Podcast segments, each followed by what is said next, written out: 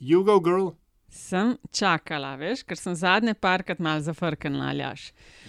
Za tvoj prekrasen, legendaren uvod v novo epizodo Metinega čaja, podcasta o medijih in dobrih in slabih praksah, novih tehnologijah in trendih prihodnosti. Uh, Zalažem pengovom bitencem Radio Chaos, s katerim uh, vodiva Metin čaj, vabiva v goste ljudi, ki bodi si v medijih delajo, z njimi živijo in o njih eh, razmišljajo, in sploh imajo opravka z komuniciranjem javnosti, recimo tako nekako. Ne?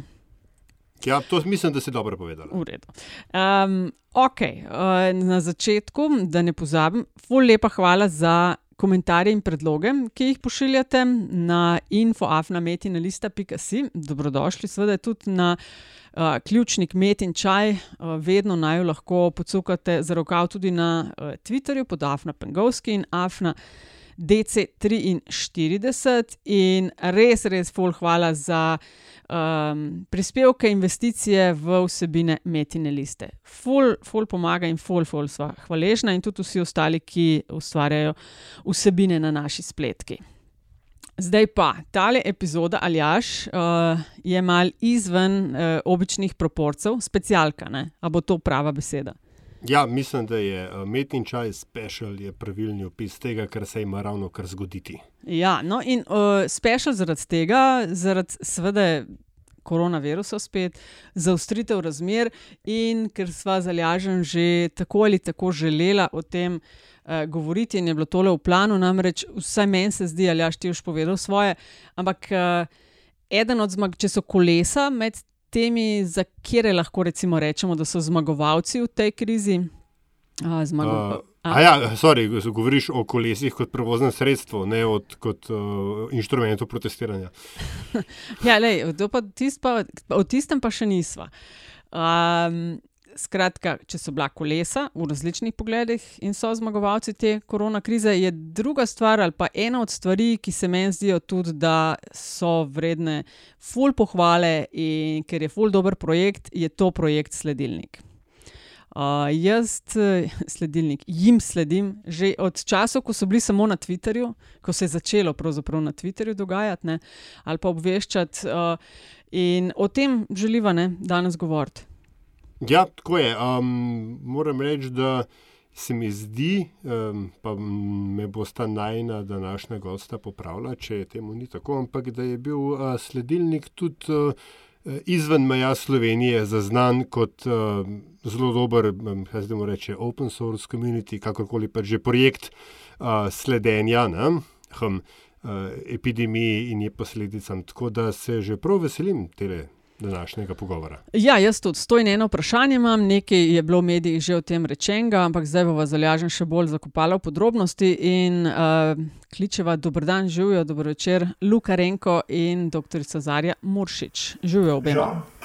Živijo. Evo, mi dva, vidva sta, boste vse povedala, uh, zalažem pa vedno začneva imeti čaj s klasičnim vodom in sicer, da se gosta predstavita. Zarja, s tabo smo pred časom uh, zalažen govorila na temo prav aplikacij v Evropski četrti, uh, ampak bi želela najprej, da se vidva oba predstavita, s čim se ukvarjata, kaj delata. Uh, mogoče, ajde, Luka, ti najprej. Ja, uh, Luka Renko, trenutno se največ časa ukvarjam s tem, da urejam dnevne podatke, podatkovne modele, pa koordiniram del, delo v skupnosti Sledilnik. Sicer sem pa investitor in mentor pri skladu tveganega kapitala Silicon Gardens, ki tukaj v slovenskem okolju ponuja podporo slovenskim zagonskim podjetjem za uspeh na svetovnem trgu. Ukvarjam se še s svetovanjem, coachanjem uh, menedžerjev v hitro raztočih podjetjih. Drugače sem pa kariero začel kot programer, pa kasneje gradil in vodil velike razvojne ekipe. Mm -hmm. A si pol kaj računalničar po izobrazbi? Uh, po izobrazbi sem računalničar, ja. Aha, ok. Uh, Zarja, izvoli še ti, tvoje minutke. Jaz sem znanstvena komunikatorka, v zadnjem času še največ. Um, moje prispevke lahko berete ali poslušate največ na Radiu Student, tudi pri Meta podcastu sodelujem, zapisi se tu znajdejo, kdaj na Metini listi in Kvarkadabri.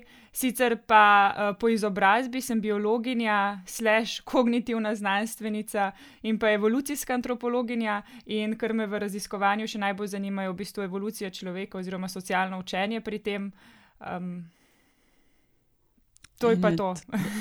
to je to, fulje, to je ful to. No, lej, vidva sta ena od tistih, ki um, nista med vem, temi nekimi uradnimi govorci, med epidemiologi in tako dalje, ne? ampak sta od začetka krize vsak na svoj način zelo globoko upeta v dogajanje. Ne? Sledilnik je en projekt, pri katerem sodelujete skupaj.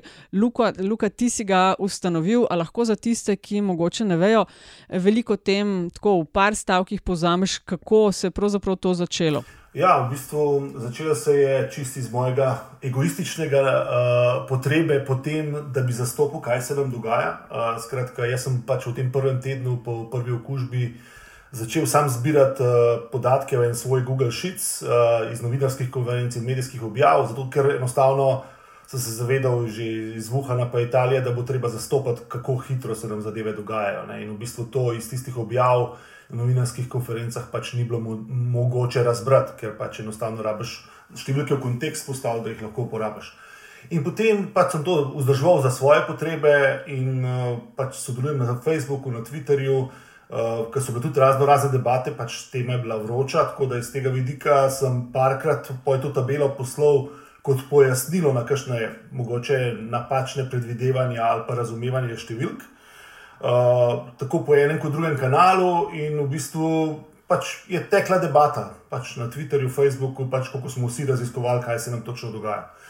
Uh, Uh, Pojem je pa v bistvu tam, mislim, da bo 17. marca, Miha Kadunc, ki sem ga spoznal prek Twitterja, kontaktiral in je rekel, da to se pa zdaj tako dogaja, ena komunikacija, da je zdaj zelo težko slediti, ali bi se kako drugače organizirali, ne? ker so dejansko z vseh kanalov zadeve prihajale na mene, ker sem pač jaz to uh, tabelo urejal.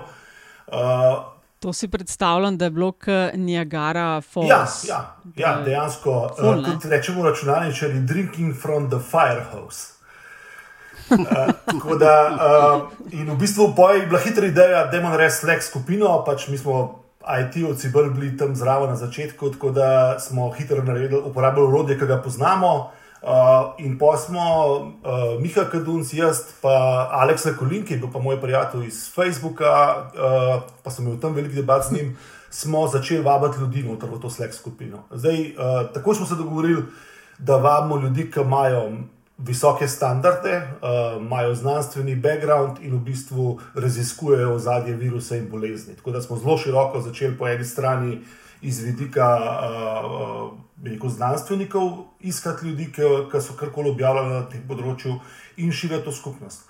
Tako da, uh, tako, kot sem rekel, 17. marca smo odprli Slack, uh, tam se je začelo potem vse zelo hitro dogajati. Ne. Potem mm. hospitalizacije. Kdaj je spletka ratala? Spletka je ratala, mislim, da 21. marca.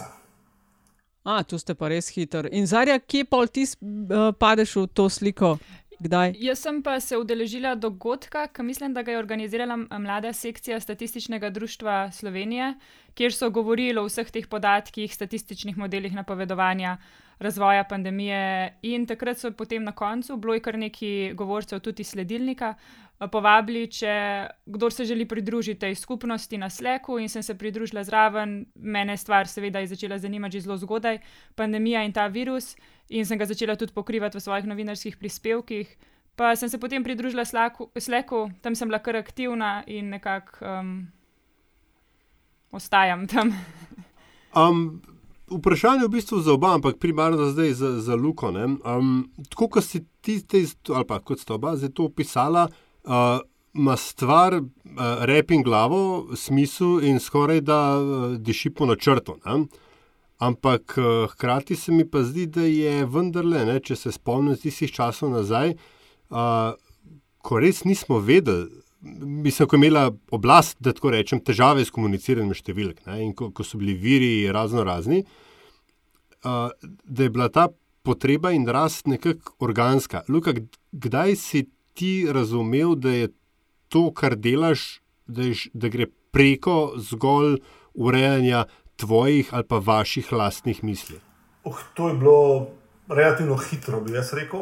Uh, zato, ker v bistvu jaz sem pač hotel imeti podatke urejene zase za pač, in sem videl hitro, da so ljudje okoli, ki so delali že na modelih na podlagi teh podatkov.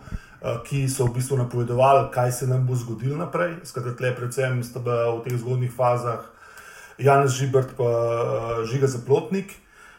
In v bistvu so rabili te podatke urejene, in tudi z tega vidika sem jaz to videl kot nekako mojo misijo, da pač te podatke uredim, pravim uh, čim bolj kvalitetne podatke, uh, uh, urediti neskladja z, z uradnimi inštitucijami in se pač začel voditi to komunikacijo. Na začetku prek Twitterja, potem pa tudi prek uradnega kanala, prek uh, v bistvu pošte na UKOM, kjer smo pojjo vzpostavili kontakt z dr. Bijovičem, ki nam je pa pojjo zelo odprla vrata do. do pravih podatkov, ne, do, do neobdelanih podatkov, oziroma tistih, s katerimi so oni operirali v tistem času. Ne. Ker tudi njo je zelo zanimalo, da se ti neskladja razrešijo, da je čim manj uh, napačnih informacij uh, ven se širi in zakaj do teh neskladij prihaja. Tako da mi smo pa takrat to pomagali. Uh, ugotoviti, uh, razrešil tudi za nazaj določene neskladja, in v bistvu za naprej se je vzpostavil uh, malo boljši sistem. Ne. Ko rečeš uh, kvalitetne podatke, ne, k, veš, z vidika ne, mene kot uh, ne, kaj, uporabnika, novinarja, kakorkoli, pač jaz dobim cifro, jaz vidim cifro. Ne, in zdaj, če ni ta cifra postavljena v kontekst, ali pa če. Uh, veš, kako ne jaz ločem uh, dober podatek, pa slab podatek in kako ga ločiš ti? To me bolj zanima, ker jaz vem, da bom imel težave s tem. Ja, zdaj, v bistvu, Eni podatki sami kot sami lahko stojijo. Število pozitivnih testov na dan stoji sam po sebi. Ne? Tukaj ni nekaj deljenja, lahko diskutiramo, ali so to vsi pozitivni, ali so to edinstvene osebe, ali je nekdo, ki je bil dvakrat pozitiven, dvakrat šteto štej številki. Skratka, že tukaj se pojavlja velike nesemantike okoli, ki jo je dobro zastopati, se zavedati in jo v bistvu pravilno uporabljati.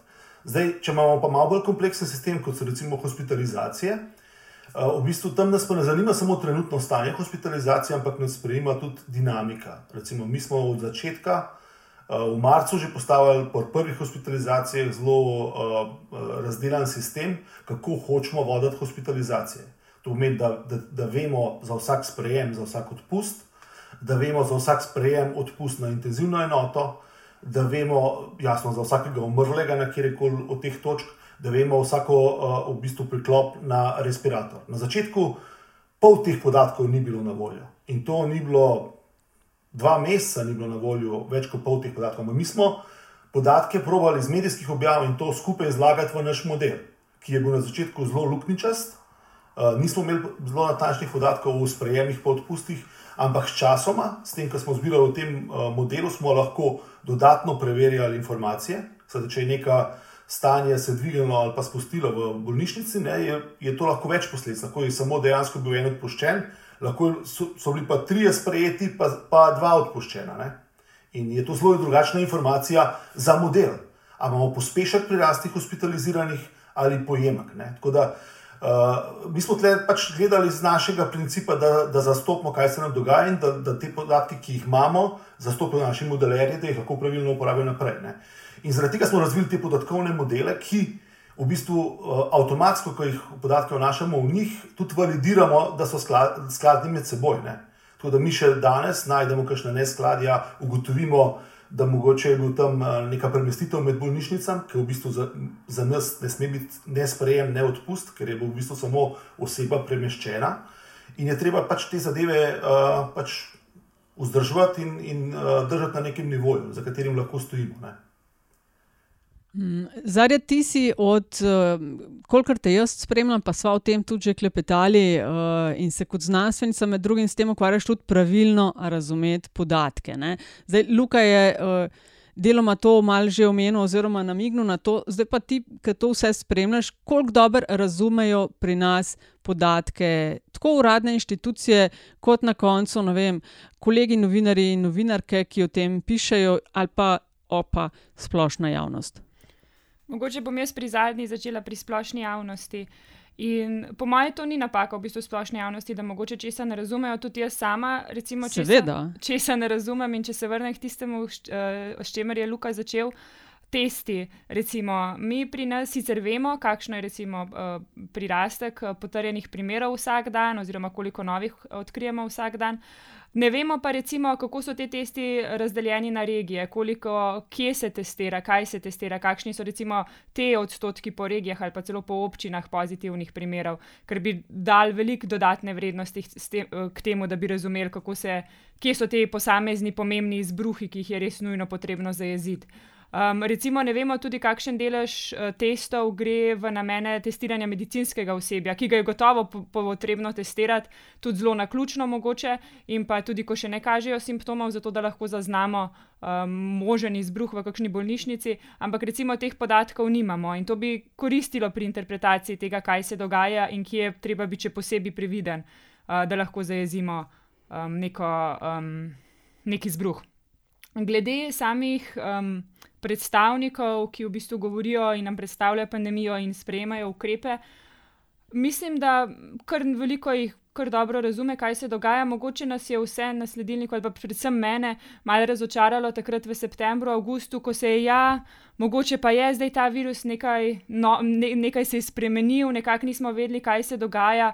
Res so okuženi, um, okuženih je več, ampak ni tako hudih posledic in podobno, in nekako niso znali razložiti, da dejansko se je tudi um, način testiranja spremenil v primerjavi s tistim v marcu, ko smo se hitro usmerili samo na ranljive skupine in pa uh, nismo več testirali mlajših, medtem ko sedaj ne bi testirali vse, um, ki kažejo uh, simptome. Recimo, mm -hmm. take stvari so, ki se mi zdi, da jih kdaj marsikdo v medijih. Zamovči, verjetno ne namenoma, ampak se jim, se jim mogoče zdi, da to ni pomembno, da bi to javnost razumela, pa vsem. Pa se meni zdi, da to v bistvu lahko v nekaterih primerjih vodi do tega, da potem uh, dobimo vedno več dvomljivcev in nekih lažnih informacij okoli tega, če niso jasno skomunicirani podatki in čim bolj natančno tudi no, predstavljeni. No, to, to me pa zdaj čisti direktno napeljalo na naslednje vprašanje. Koliko zelo nekoristni, da ne rečem škodljivi, uh, so bili ali pa je bila pol ena manjša poplava, ki je sledila spomladi, ko je vsak je imel pet minut časa nažalost, tudi nekateri, ki so imeli DR pred svojim imenom, so neke svoje modele začeli delati in so bili zelo medijsko privlačni v smislu, koliko si jih bo šel kužil, koliko jih bo umrl, kdaj bo konc. Ja, to. To je kar težko, po mojem, vrednotiti, kakšna škoda je res um, bila narejena. Ampak moramo pozoriti, da to se povsod po svetu pojavljajo razni DRI, oziroma uh, imajo tudi znotraj znanstvene skupnosti nekateri zelo nenavadne poglede na pandemijo, s katerimi se večina ne strinja. Ne, mogoče nekaj podobnega se je v preteklosti dogajalo v tobačni industriji ali pa pri podnebnih spremembah. Zdaj se nam to samo dogaja v zelo kratkem času, pol leta in je težko razbrati, um, kaj so dobri argumenti, kaj ne. Ravno zato mogoče je pomembno, da, da znanstveni novinari to znamo narediti. Predvsem se mi zdi, da je problem to, da pač model ne more iti direktno v široko objavo v medijih, ne? ampak dejansko si prvo zasluži, uh, da ga nekdo pregleda, ki dejansko zastopi, kaj je v zadnjem modelu, da ga nekdo prevetri tukaj bi rekel, da je na sledilniku, jaz sicer nisem bil zelo veliko pleten v to, razen to, ker sem pač uh, nudil podatke, ampak recimo Aleks Kolin vodil to skupino za modeliranje in znotraj naše skupine so se v bistvu trije modeli razvili. Uh, zelo timsko, čeprav so jih delali uh, individualne ekipe, pač Žiga Zaplotnik, potem uh, Janez Žibert iz zdravstvene fakultete, in pa uh, eh, IBMI, v bistvu z medicinske fakultete, tri različni modeli, kjer pa so se ti modelerji med sabo uh, konstantno uh, čekirali v smislu predpostavk, v, v, v smislu uh, znanstvenih uh, uh, informacij iz, iz tujine, kjer so rabili določene predpostavke glede smrtnosti, glede hospitalizacije in podobno.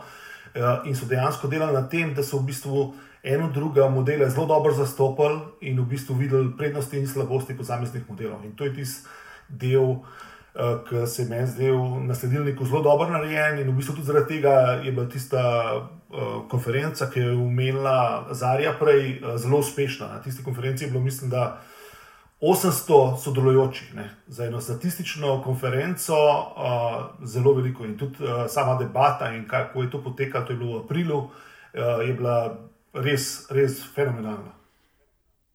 Ja, jaz bi mogoče dodala no, na sleku, res uh, jaz tudi sodelujem oziroma pomagam kdaj nekaterim izmed teh modelerjev s kakšnimi uh, viri iz literature, predvsem recimo številke hospitalizacij ali pa kakšne analize, ki kažejo na to, kaj se dogaja v tujini in to je zelo v bistvu pomembno in se je lepa skupnost ustvarila, ki to skupaj deluje, čeprav mogoče vsi nimamo znanja modeliranja. Pri tem bi pa tudi omenila, da naši, saj te, ki, ki jih je omenil uh, Luka, modelerji zelo jasno, ko predstavljajo svoje modele, upozorijo, da to ne gre, ne morejo napovedati, kaj bo čez pol leta, ampak gre zgolj za nekaj dnevno napoved, pri kateri so lahko seveda tudi odstopanja. In se mi zdi, da to super izvajajo preko Twitterja oziroma pri zapisih na sledilniku ob modelih, pa tudi znotraj sleka razložijo.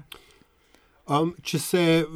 Vsem tem, kar ste zdaj povedali, ne se mi ravno to vprašanje je, uh, porajalo, uh, pa verjetno treba mogoče tudi mogoče, to predzgodbo ali, ali pa stransko zgodbo povedati kako je v bistvu sledilnik postal referenčna točka ne samo za nas, uporabnike ne, in za vas, ki pri tem sodelujete, ampak v resnici tudi za državo, ne, ker na neki točki je oblast enostavno začela vaše številke uporabljati ne, in, in, in vaše grafike v končni fazi. Ne. A, pa mogoče najprej vendarle malo o tem a, a, povemo, ker, ali pa poveste, ker a, so bila, da, ne bom rekel zdaj trenja, ne, ampak kle so bila verjetno malo drugačna pričakovanja in tudi menedžiranje številk eh, z vaše strani in eh, strani eh, vlade oziroma oblasti širše? Jaz bi tle celo rekel, da je bilo obratno. Skratka, jaz osebno, to je pač čisto moje mnenje, jaz sem skozi gledal sledilnik kot primarno uh, vir podatkov za strokovno javnost. Uh, če, kaj je mene gnalo pri tem, da sem potem, ko smo dejansko vzpostavili dostop do bolj, uh, bolj rok podatkov, odprli komunikacijo z direktno z bolnišnicami, da so nam dejansko bolnišnice direktno pošiljale podatke iz, iz posameznih ICO, delkov, direktno podatke. E, za me, jaz sem takrat zelo preklopil to, da primarno delamo to, zato da imamo podatke na nivoju Slovenije, na katere lahko vsi zaupamo in jih lahko, predvsem tudi stroka, se na njih zanaša. Mi smo strani strokovne skupine dobili tudi par poizvedb, par konzultacij smo delali za njih. Modele, ki smo jih mi objavili na naši spletni strani, smo bistveno prej delili stroko uh, in imeli odprto diskusijo tudi stroko uh, glede teh modelov, kako se morajo interpretirati. Janes je imel pogovore telefonske uh, z dr. Bijovičem, razlagal posamezne detajle, le zaradi tega, ker nismo hoteli, da se narobe interpretira. Tako da jaz bi rekel, da, vem, vsaj z mojega vidika, jaz sem dolgo razmišljal predvsem o tem. Tako da mogoče uh, uh, imamo ekipo, ki dela zelo dobro na družabnih omrežjih in v bistvu uh, komunicira uh, za splošno javnost, bi temu lahko rekel, uh, ki se trudi v bistvu tudi te uh, splošne zadeve uh, o. Epidemiji, o virusu, o ravnanju, komunicirati, izboljšati komunikacijo tudi tukaj. Tako da, uh, ja, to, to se je razvilo zraven, je pa, je pa težko v bistvu od tega, ker mi delamo na številkah, na teh uh, modelih, jeti v neko splošno javnost. Ne. Skratka, en model, uh, med, ja, mi smo imeli dilemo, a modele sploh objaviti javno, da jih ne bo zdaj ne, nek. Nek lajk tam pogledal in bo naredil ali paniko, ali pa bo rekel, to ni nič, ne? ker to lahko interpretiraš, kako hočeš. Ne? Tako da, uh, moj interes je bil vedno um, uh, stroka, kako pomagati stroki. Tudi danes, ko imamo komunikacijo z njimi, v bistvu je samo zagotavljanje tega, da v bistvu tisti, ki se odločajo dnevno in so v tem zosu najbolj obremenjeni, da se lahko zanesejo na nekaj, kar jim pač odminutno v končni fazi. No, ampak na neki, na neki točki ste postali, um, ne zdaj tega narobe razumeti, ampak uh, orodje, s katerim, ne, oziroma tako, va, vaše podatke in vašo prezentacijo podatkov, čisto grafično, vizualno, če hočeš, ne, je oblast začela uporabljati za svoj, uh, se, se, se, se pravi, vas je začelo uporabljati kot vir za, za, za, za podatke. In, uh, kar s čimer se seveda ni, ni nič narobe, to se, je, to se mi je zdelo v bistvu en tak svetla točka cele te zgodbe, da se je pač en ta vir končno pač poenotil in da se daj, vsi nekako strinjamo, da ste vi go-to source za. uh, za te stvari, tudi, tudi za, za splošno javnost. Točno o tem tudi uh, pravkar razmišljam. Ne? Luka, koliko je recimo, splošna številka, ki jih sodeluje? Kaj, 100 plus? Uh, v sedilniku. Ja. Uh, članov na Sleku mislim, da je 200, tedensko aktivnih je približno 80 oseb. To pomeni. O, okay, vsak dan vas je, recimo, koliko? Danes, ko boste, ne vem, updateali stran, analizirali, koliko jaz, ljudi jaz bo danes rekel, da je, da je dnevno tako, da bi rekel aktivnih, da kar nekaj ur prispeva na dan, je med 30 in 40 ljudi. Okay, koliko ur bo tebi danes vzelo? Meni trenutno vzame sledilnik uh, 6 do 8 ur na dan, sigurno. Ok, en delovnik. Ne? To je sledilnik, je grassroots kampanja, projekt. Se pravi, začel se je, niste se prijavili na, nek, na noben razpis, eh, niste dobili nobenih sredstev, naenkrat ste pa, tako kot je Aljaš rekel, glavni servis, mislim, glavni servis, ne, državi. A vas tudi finančno podpirajo? Ne, pač smo prostovoljna skupnost. Uh, Formalno uh, je bila pri ministrstvu za zdravje sicer ustanovljena ekspertna skupina za modeliranje COVID-19, v kateri je tudi kar nekaj članov sledilnika noter uh, in je bila mišljena kot koordinacija tudi med modelarji. Uh, zdaj, najbolj aktivni modelarji so tako, tako v bistvu pri sledilniku, dodatno pa še inštitut Jožef Štefan, ki tudi dnevno objavlja uh, svoje modele, ki tudi uporablja naše podatke. Uh, tako da um, zdaj prek te skupine smo v bistvu še zadnje zaprte komunikacije mogoče odprli, tako da se te podatke res direktno pošiljajo na sledilnik in jih sledilnik ureja za celo modelarsko skupnost. Ne. Zdaj, delo je pa še vedno prostovoljno, skratka, nismo zajeti za to in, in pač to delno je problem, ne, ker v bistvu. Uh, Predvsem... Mislim, to kar nekaj ur vam vzame, to je kar ja. nekaj ljudi. Ne? To, če češ resno, tako kot sam praviš, veš, če češ to resno delati, to, je to resen uložek znanja, energije in vsega. Mislim, kapo dol res vsem, ki to delate, ker se mi zdi fantastičen projekt. Ne? Bi se mi zdelo pa smiselno, no, da sploh glede na to, v kolikšni meri se ključni ljudje v državi zanašajo na, na vaše podatke in mislim na vaše, ne, na to, kar vi delate, da je mogoče čas za korak naprej. Ne vem pa, ali si vi tega tudi želite.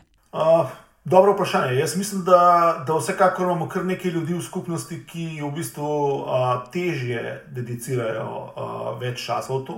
In bi bilo zelo uporabno, če bi lahko več časa temu namenjali. Ampak jaz mogoče sem v taki poziciji, da sem si lahko to prvo šel in mi v bistvu je ta sprememba fokusa uh, bila izvedljiva.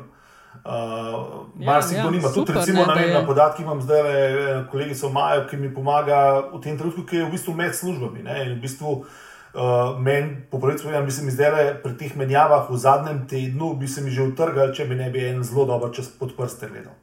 Dnevno. Ne, in v ja, bistvu, ja, če ona ne bi imela dnevno, podobno kot jaz, kar nekaj ur, v bistvu.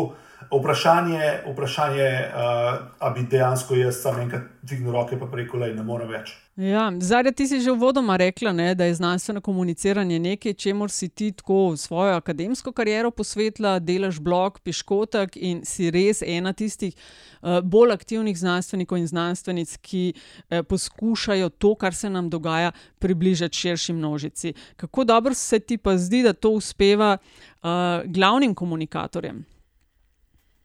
Hm. Ja, če, če izpostavim, bi pohvalila, kar dela Val 202 s svojimi korona podcasti.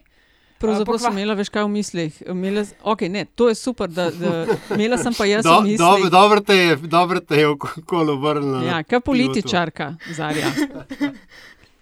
Se, če nočeš odgovoriti, tudi vse čisto ne, ok. Ne. Zarja, ne, prosim, ampak... prosim nadaljuj, kam da tudi mi, mi ne vemo čisto, a, a veš, koga je te, komu je treba, da tako ja. rečem, slediti. Ne? Ja, le zafintirala, ja, v redu je zarja. Aha, ti govoriš. Um, Torej, verjetno govoriš o predstavnikih, ki jih vidimo na uh, televiziji, torej večinoma so iz medicinske stroke. Bodi si medicina, bodi si politika, pač tisti, ki vsak dan razlagajo, kaj je s številkami, koliko se moramo obnašati in kaj bojo še sprejeli. Ja, ok. Ne, ne, ampak komod pa nadaljuješ tisto pohvalo, tako da oboje zdaj, evo. Ja, če, če me sprašuješ o znanstvenem novinarstvu ali pa komunikaciji, se mi zdi, da se je znotraj Val 202 naredila odlična ekipa, ki pač pokriva uh, s korona podcasti dogajanje. Potem tudi, seveda, bom pohvalila tudi uh, znanstveno redakcijo Radio Student, ki je spomladi naredila kar velik prispevkov na to temo. Sicer pa um, največ informacij, pa se mi zdi, da še vedno največji ta del javnosti, ki pa ne sledi znanstvenim komunikatorjem, dobi iz predstavnikov vlade, ki nam predstavljajo te podatke in rišijo grafe. In se mi zdi, da v nekaterih primerjih se kar nekajkrat zgodi, se je zgodilo, da se bojim, da malo poceni, to je res zelo, zgolj moje mnenje in, in ste dobrodošli, da se ne strinjate, da podcenjujejo javnost na nek način, da dajo zelo veliko nekih točk oziroma nekih opisov stvari, mogoče širjenja virusa in podobno, um, ki da javnosti možnost, da se potem zapičijo v to um, temo in jo predebatirajo na Facebooku, na Twitterju, kjerkoli in najdejo vse napake, v bistvu, ki so jih naredili. Seveda so ti ljudje tudi na, tisti, ki so najbolj um, na udaru za iskanje teh napak. In jih bodo ljudje vedno opazili, ampak lahko naredijo s tem veliko škode. Bi pa recimo pohvalila um, tega le vodjo Centra za nalezljive bolezni pri NIAZ-ju, ker se mi zdi, da ima neko tako prijazen način komunikacije z javnostjo in mislim, da tudi uh, ima kar veliko zaupanje javnosti, uh, Marijo Fafangal. Um, on se mi zdi, da mogoče res trenutno še najbolj izstopa izmed vseh teh. Jaz, jaz bom manj politično korekten. Uh, Navali. Ja, skratka, meni se zdi komunikacija slaba. Tle je spiko. Uh, dejansko, jaz sicer nisem strokovnjak za komunikacijo in podobno, uh, sem pa vodil velike ekipe, uh, več kot 100 članske, uh, čez zelo krizne situacije. In uh, kar predvsem mi tukaj manjka, je, da ne vidim neke jasne strategije komunikacije. Manjka mi neko jasno dnevno sporočilo, ki bi bilo enotno, ki bi ga morali vsi govorci enotno ponavljati, kjerkoli se še pojavlja v kjerem koli mediju.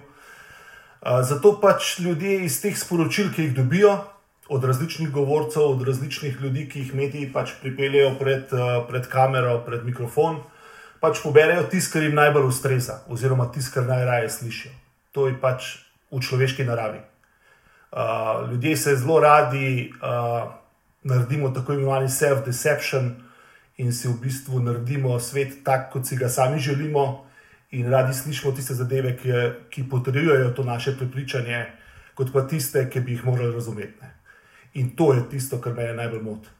Uh, zdaj, če vzamem, kaj me najbolj moti, so razne napačne relativizacije, primerjave direktno z drugimi državami, ki so neprimerljive ali pa v drugi fazi razvoja epidemije. Uh, in iz tega se pojavljajo napačni zaključki, mogoče tudi napačni ukrepi. Kdaj? Um, Ker ste že pač omenili ukrepe ne, in, in tole o komunikaciji, jaz sem se seveda vmes spomnil, kaj sem hotel prej vprašati. Um, in gre v bistvu točno na, na to, ne, uh, ker ko ste govorili o modeliranju in možno, v bistvu, če prav razumem, neki. Projekciji, ki ima pač neko stopno, uporabno stopno zaupanja za, za, za nekaj dni, ne, ne pa recimo za pol leta. A, a je prvi val lahko vir, um, se temu reče, izkušen, in ali smo te izkušnje uh, aplicirali zdaj v drugem valu? Mm. Težko jih čist primerjaš, zato ker v bistvu je strategija pri prvem valu bila zelo jasna. Lockdown, ker v bistvu ni bilo drugih rešitev, oziroma dovolj znanja, da bi se lahko kako drugače ukrepali. Zdaj, pri drugem valu smo šli v, v dejansko postopno, uh, bi rekel, obvladovanje uh, razmer. Bi lahko temu rekel, bi rekel tudi švedski model, ki ga nekateri lahko tako ven vlečejo, uh, ker bi morali kontrolirati v bistvu rast do neke, nekega nivoja, ki je v bistvu še vedno obvladljiv za naš sistem. Uh, žal, pa, žal pa je problem teh številk tak, da, da pač te, te dnevne rasti, v bistvu se zelo hitro tudi na njih navadimo. Jaz, uh, ne vem, pred tedni me je skrbela, da bomo prišli iz 40 na 80, danes pa ne preseneča, da imamo danes 1501 potreben okužen na dan. Ne. Pač nič me ne preseneča. Tako da iz tega vidika, tudi mi, ki delamo na teh številkah, v bistvu je težko v teh dnevnih uh, signalih v bistvu, uh, reči, da uh, tole gre predelač. Že pred tedni bi morali nekaj več narediti. Ne.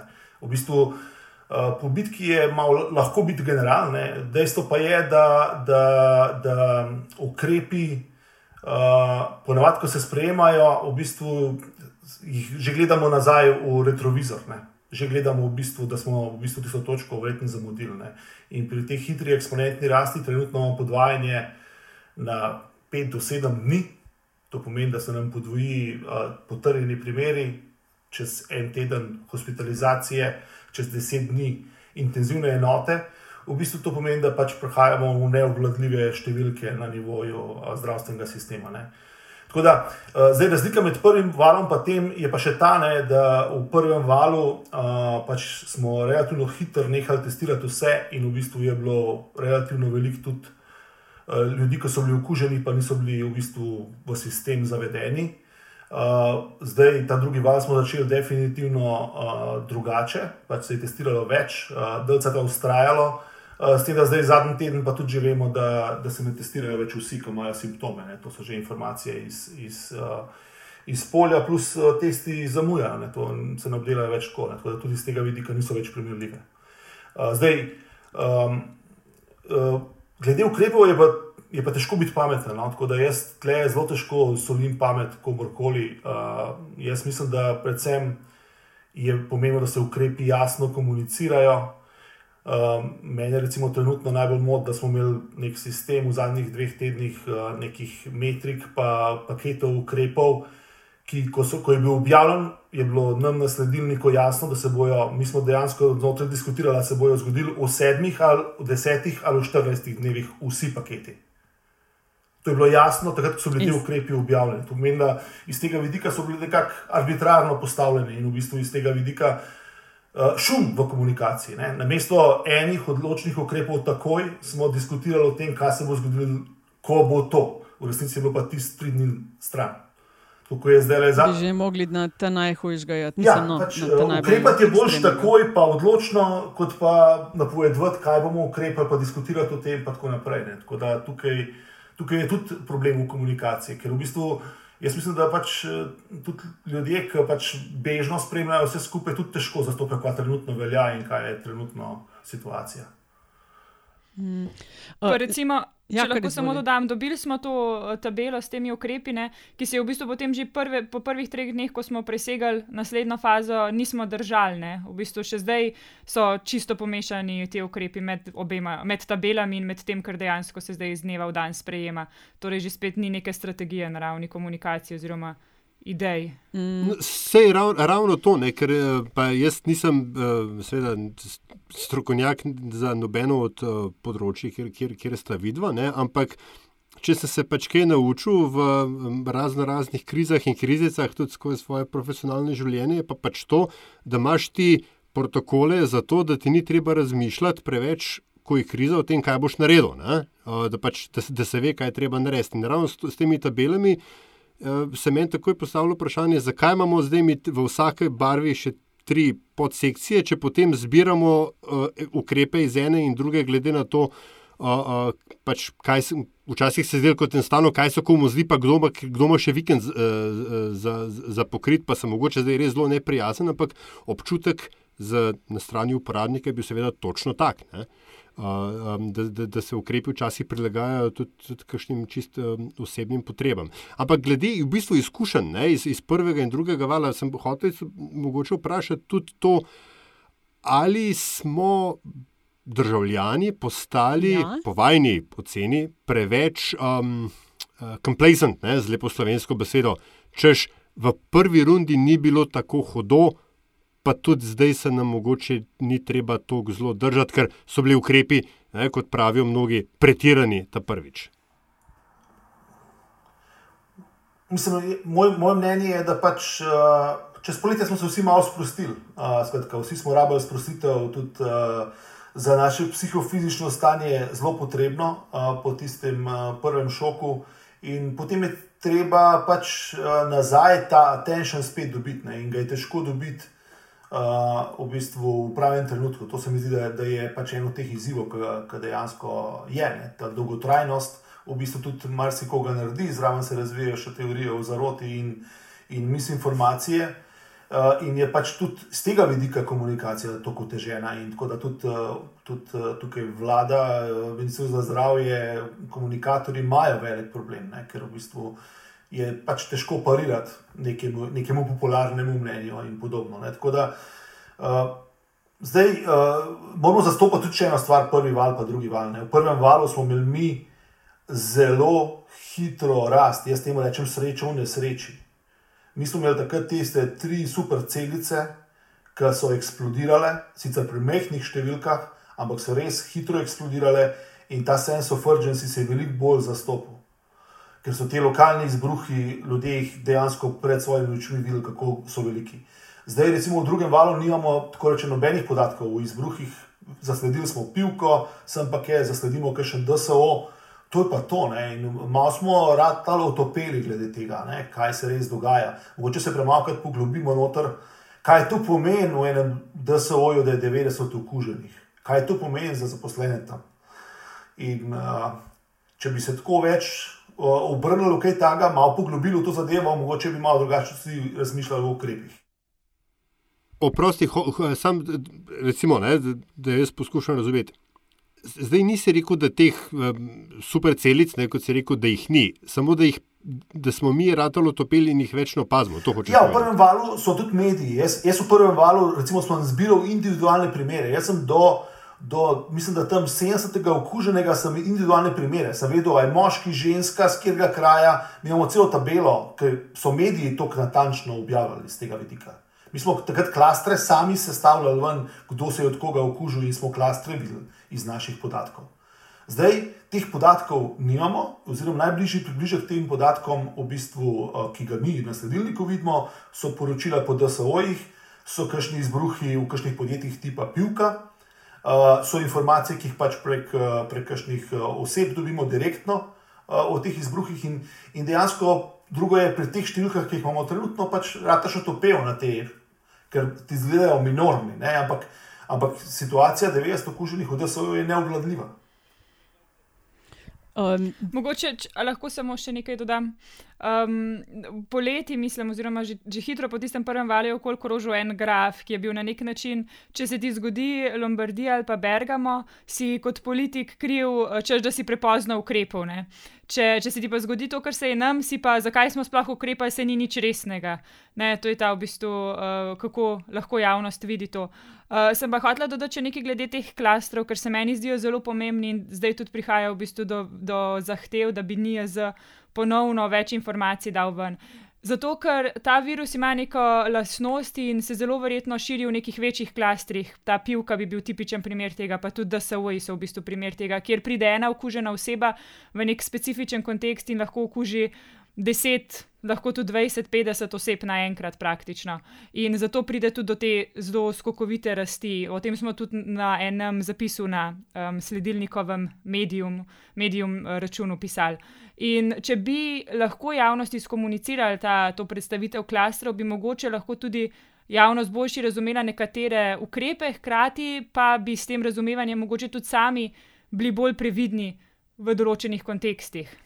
To je, če prav razumem, to gre za ta indeks mali K, ne, kako so najprej vsi govorili o tem R-ju, ki mora biti manjši od ena, zato da se virus ne širi. Zdaj se pa izkaže, da je vprašanje, kdo je super spreader in kdo ni, ne, ker ve, večina ljudi ne širi virusa tako učinkovito. Nekateri ga pa ne. Ja, K je disper, disperzijski faktor, to je v bistvu nekaj, uh, zračunaš preko modela v bistvu. Um, to, ta faktor. In potem, seveda, s tem lahko razložimo, koliko krat se zgodi, da recimo ena oseba okuži 10 plus ljudi, in koliko krat recimo ena oseba sploh nobenega naprej ne okuži. Ne? In imamo podatke, kjer so zgledali genetsko povezavo različnih klasterjev, recimo iz Nove Zelandije, kjer se je skazalo, da v tistem prvem valu v marcu je zgolj 20% ljudi v bistvu razloži vse ostale naprej okužene znotraj skupnosti, torej ne tiste, ki so prinesli v državo virus. In uh, podobno imamo tudi iz Hongkonga, mislim, da zdaj tudi neko študijo iz Indije. In recimo, če bi tudi za slovenske vedeli, kje so te klastri, to so te zabave, pa lovske koče, verjetno, o katerih slišimo. To je zdaj. Um, zakuske. Sa, zakuske. Ja, to je zdaj, govorim sicer lahko, da je to, ne vem, ker teh podatkov nimamo, to si jaz tako razlagam, lahko se tudi motim. Um, ampak recimo to bi, je kar pomemben podatek pri tem virusu in predvsem pri ukrepih, ki jih spremljamo. R je pa še vedno pomembna, pomembna številka, tudi ampak za druge stvari. Nujno moramo zarja še nekaj eh, in luka o aplikaciji. Na sledilniku ste jo med drugim ta ostani zdrav tudi testirali. Še predtem, ko smo prej govorili o zaupanju pred sabo, gledam prav to Valikonovo raziskavo o zaupanju in med. Uh, Tistimi, ki jim po tej raziskavi sodeč eh, ljudje najbolj zaupajo, so Aleš Rozman, klinika Gulnik, Aloisi Han, imunolog in mikrobiolog, eh, Mateja Logar, infektologinja, pa Tatjana Lejko Zupanc, UKC Ljubljana. To so prva štiri. Med tistimi, ki jim pa ljudje najmanj zaupajo, so pa najprej Aleš Hojs, notranji minister, pa predsednik vlade Janša, potem vladni govorec Kacin, sledi ministrica za izobraževanje Kustec in potem direktor NJZ Milan Krek. V bistvu pet tistih, ki bi jim mogoče bilo bolj, če bi bili na kakšnem drugem mestu, ne pa na dnu. Uh, no, ko sem omenila premijeja, uh, če njega poslušam, ko govori o aplikaciji. Uh, je tako, ja, če bi si naložili aplikacijo, pa teh problemov ne bi imeli.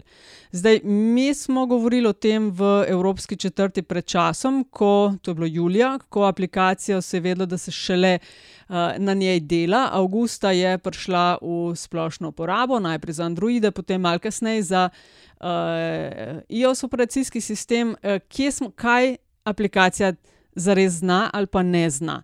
Kaj so največje neumnosti, ki okoli tega krožijo, Zarja? Ja, za začetek je mogoče največja res ta, da če bi imeli aplikacijo, bi lahko vse ostale ukrepe um, spustili oziroma se jih ne držali.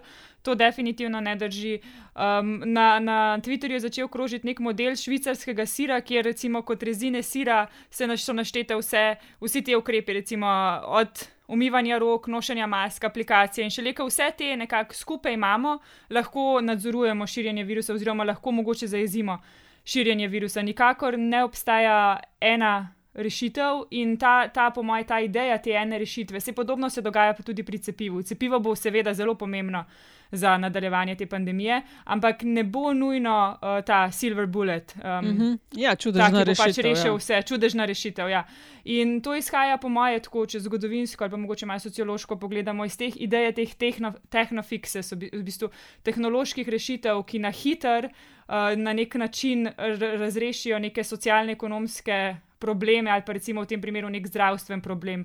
Ki pa v resnici nima ene rešitve, in smo se nekako zgubili v teh dihotomijah, aplikacija, ne aplikacija, maske, ne maske, v resnici vse to skupaj nekako lahko, um, s, s tem lahko prebrodimo to pandemijo.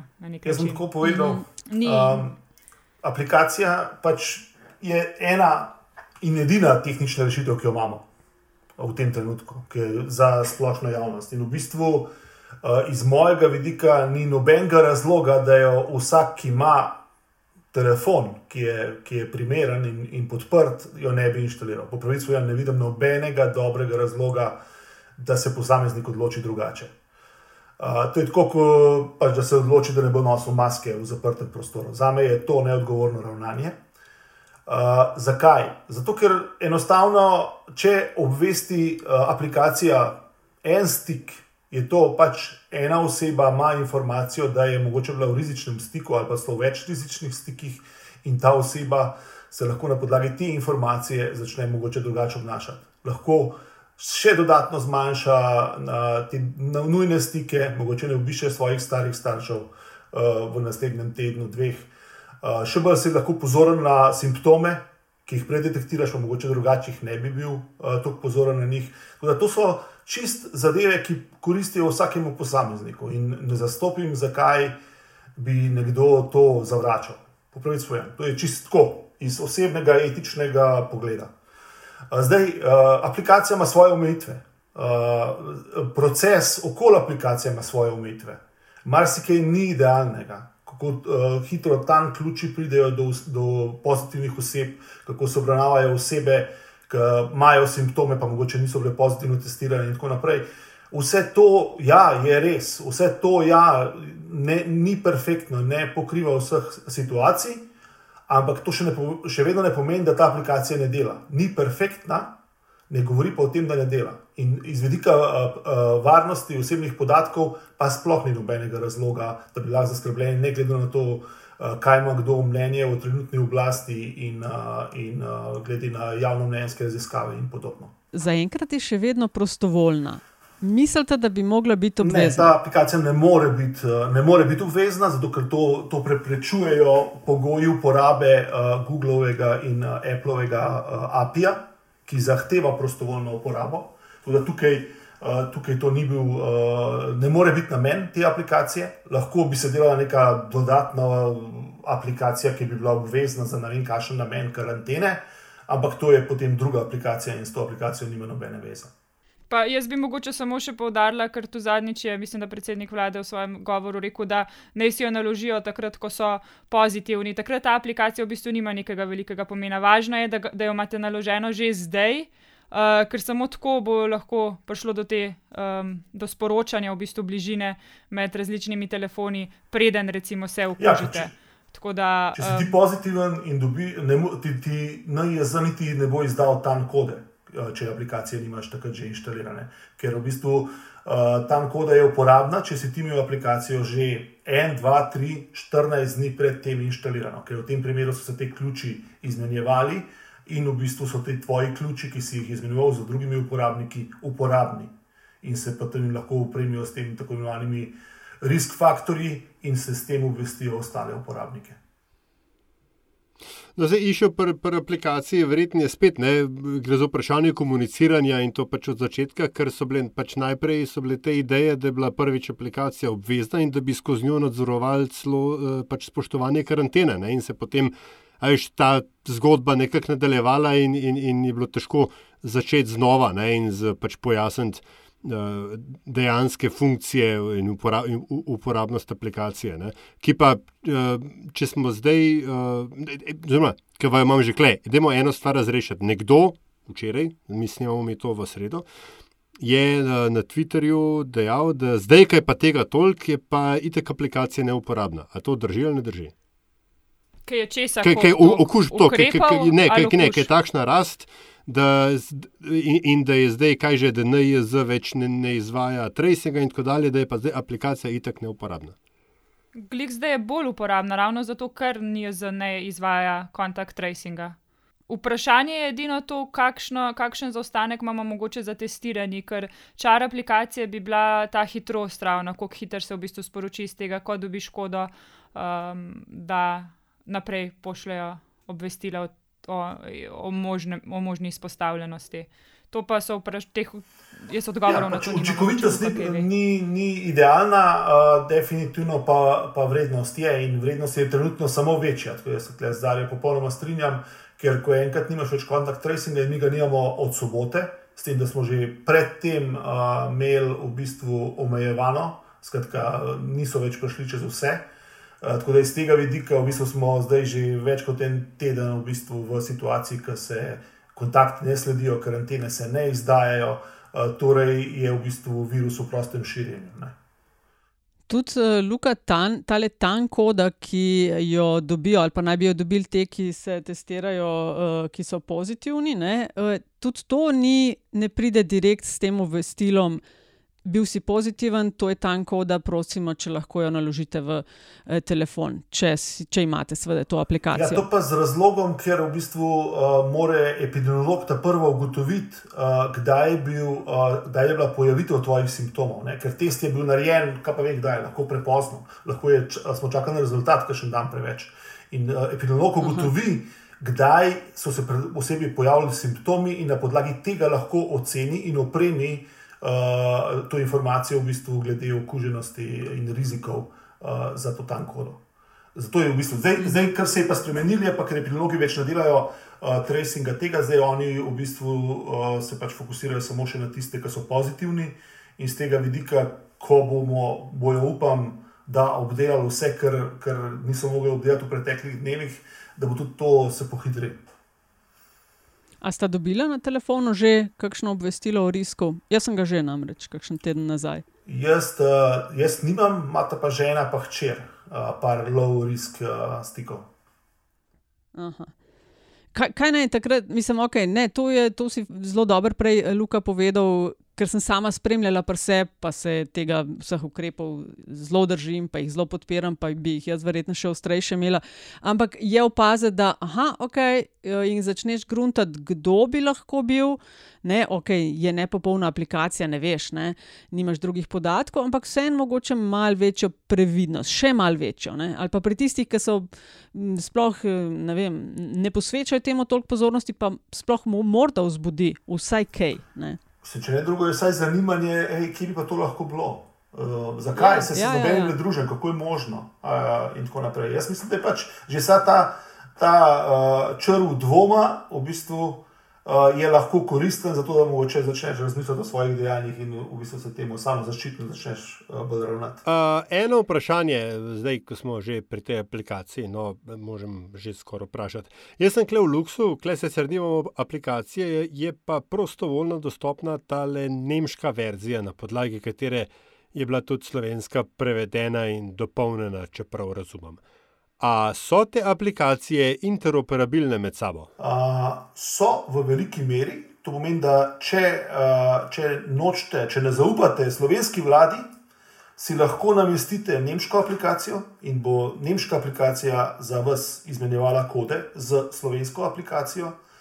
Uh, ko pa boste uh, pozitivni, če boste pozitivni in boste dobili tam kodo, si boste morali pa takrat namestiti slovensko aplikacijo, da tudi tam kodo lahko vnesem potem pa lahko spet odstranite in v bistvu uh, uh, nadaljujete z nemško aplikacijo. Tako da, če koga to skrbi, je tudi tukaj veljavno. Skratka, vse te aplikacije, ki uporabljajo ta isti sistem od Google in Apple, so tukaj interoperabilne, dela se tudi evropski sistem izmenjave podatkov in ključev.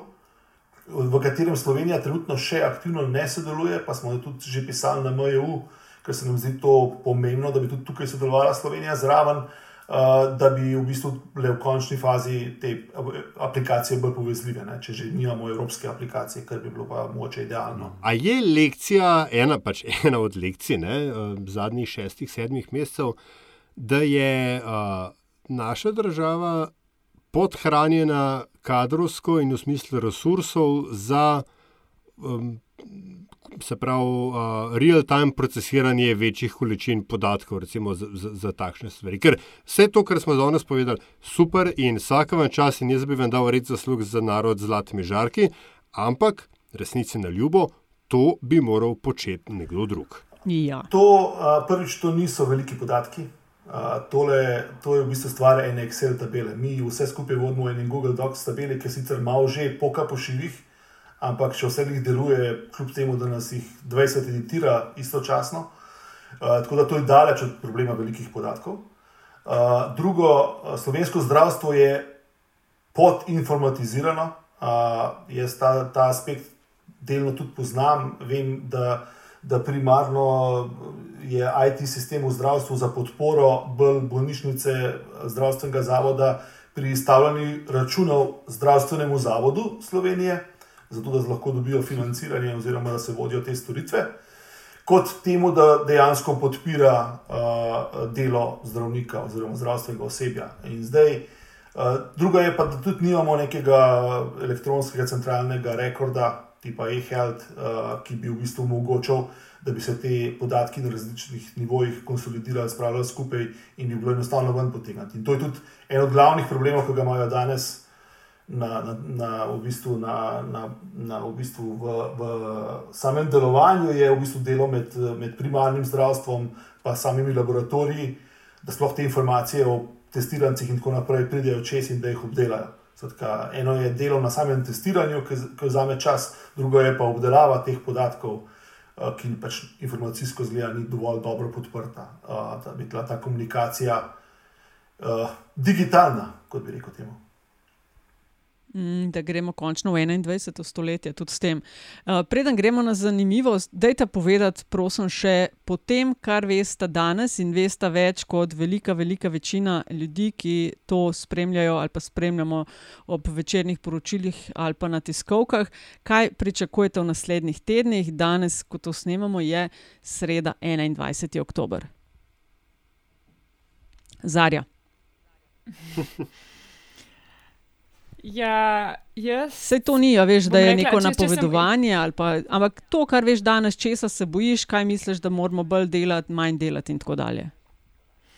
Jaz bi rekla, da vem, da nas čaka verjetno kar črn november, glede števila smrti, ki, ki še prihajajo zaradi okužb s koronavirusom. Sicer pa, če, če probam biti malo optimistična, tudi upam, da ljudje, ki vidijo te številke in v bistvu vidijo, kaj se dogaja tudi sami pri sebi, kolikor lahko, glede na svoje različne socialne in ekonomske položaje, se izogibajo mnogim stikom. Verjamem, da je to tudi težko, glede na to, da, da smo v tem že pol leta in ne vidimo nekega jasnega izhoda.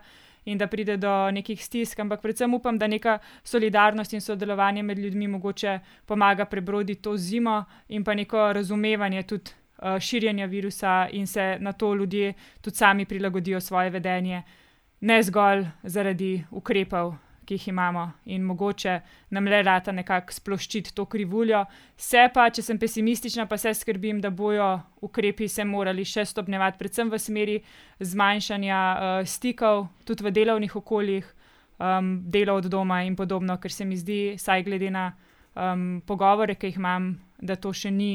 Tako zelo splošno razširjeno pri nas, kot mogoče v kakšni drugi evropski državi, ki trenutno še nima tako ve- velikega izbruha. Mm. Luka, s Pilatesom je konc za nekaj časa.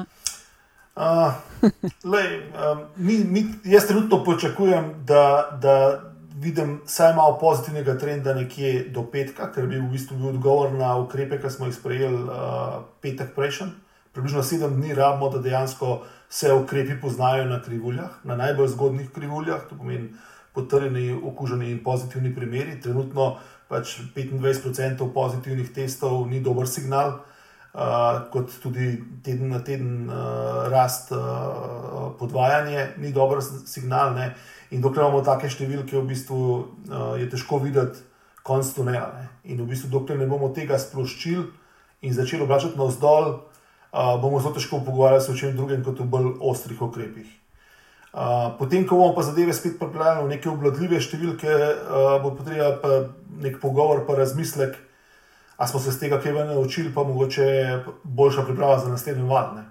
To je tisto, kar je mogoče Aljaš prej sprašval. Ja, lahko bi se več naučili.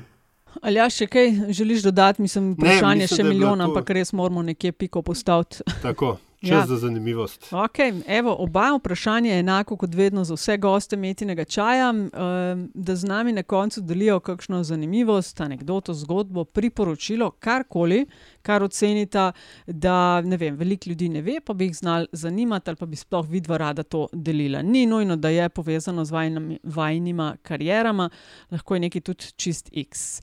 Uh, evo, Luka, prvi. Jaz sem premišljal, pa, pa, pa sem mislil, da nič nimam, eh, pa je pa danes zjutraj ena preletela, ki je bila idealna. In sicer eh, na sredini dnevno dobivamo kar veliko vprašanj strani uporabnikov, zaposlenih v zdravstvu, da se vojih, trudimo se tudi, da jim žurno odgovarjamo, kot pač je v naši moči.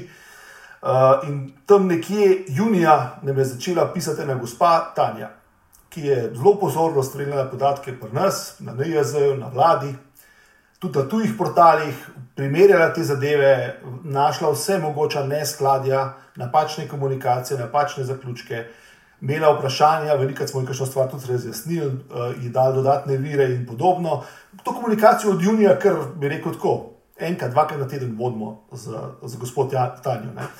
In v bistvu pred par dnevi nas je recimo upozorila, da v 14. septembru imamo neko neomejemanje pri bolnišnicah, pri sprejemu in odpustu. In zdaj, ko imamo nove sile, je Maja Založnik, kolegica, šla to raziskovati in je v bistvu ugotovila, da imamo pri premestitvah med bolnišnicami modelo nekaj slabo rešeno in da smo v bistvu, ker smo imeli tisti dan uh, več popravkov, v bistvu nekaj ni bilo pravilno upoštevano in zaradi tega so podatki strigali. ko smo popravili model, smo najdli še tri druge dneve, v katerih smo to popravili. Ne. In jaz sem se pač gospod Tani zahvalil za njene prispevke, je tudi povabil našo skupnost na Slack, ker se mi zdi, da bi lahko uporabno sodelovala tudi z nami. In me je gospa prijazno odklonila, se zahvalila in je rekla, da bo pri svojih 75 letih raje ostala pri Excelu in mailu. Tako da, O, lepo. naprej si želim sodelovati tudi s takimi gostmi, pa tudi če po mailu. O, kakšna lepa zgodba. Luka, ful, hvala, da si to delil. Izvoli, zadnja, še ti. Bom jaz tudi, uh, jaz bom pa v bistvu predlagala nekaj, ker mogoče tisti, ki me sledijo na Twitterju, že poznajo. Sem velika fenica britanskega znanstvenega komunikatorja Eda Younga, ki je v bistvu um, lani februarja, marca ustavil svojo, um, svoj premor, ki si ga je vzel od pisanja za The Atlantic. Um, ki je, naj bi pisal v bistvu knjigo o živalskem vedenju, ki sem se jaz že zelo veselila, še posebej glede na to, um, kaj sicer počnem.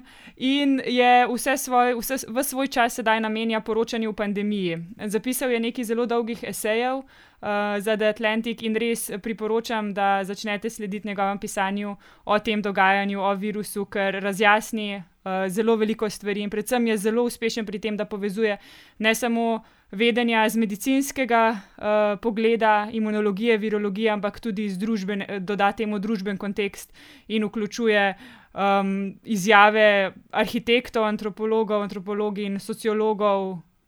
In vse različne stvari, in res priporočam, da zelo dobro usmisli to dogajanje tekom pandemije. No, super, da dodamo med zapiske. Aljaš, dodajaš še kaj? Ne, to je, to je to super. Hvala vama za to, kar počnete in vsem vajnim sodelavcem, sodelavkam, pa da ste se vzeli čas za met in čaj. Ja, tako da res, ful, ful, ful, hvala. Mislim, to, kar delate, cela ekipa, Luka, ti, ki si to začel, in vsi ostali, ki ste pridruženi, in zarja teb za, za vse prispevke, da bi boljš razumeli to, uh, kar se nam dogaja danes. Tako da, ful, hvala ta red za zasluge, ki ga je Aljaš omenil, če kdo si ga v tej krizi zasluži vaša ekipa. Hvala tudi vam za povabilo in uh, prijeten pogovor. Hvala za povabilo.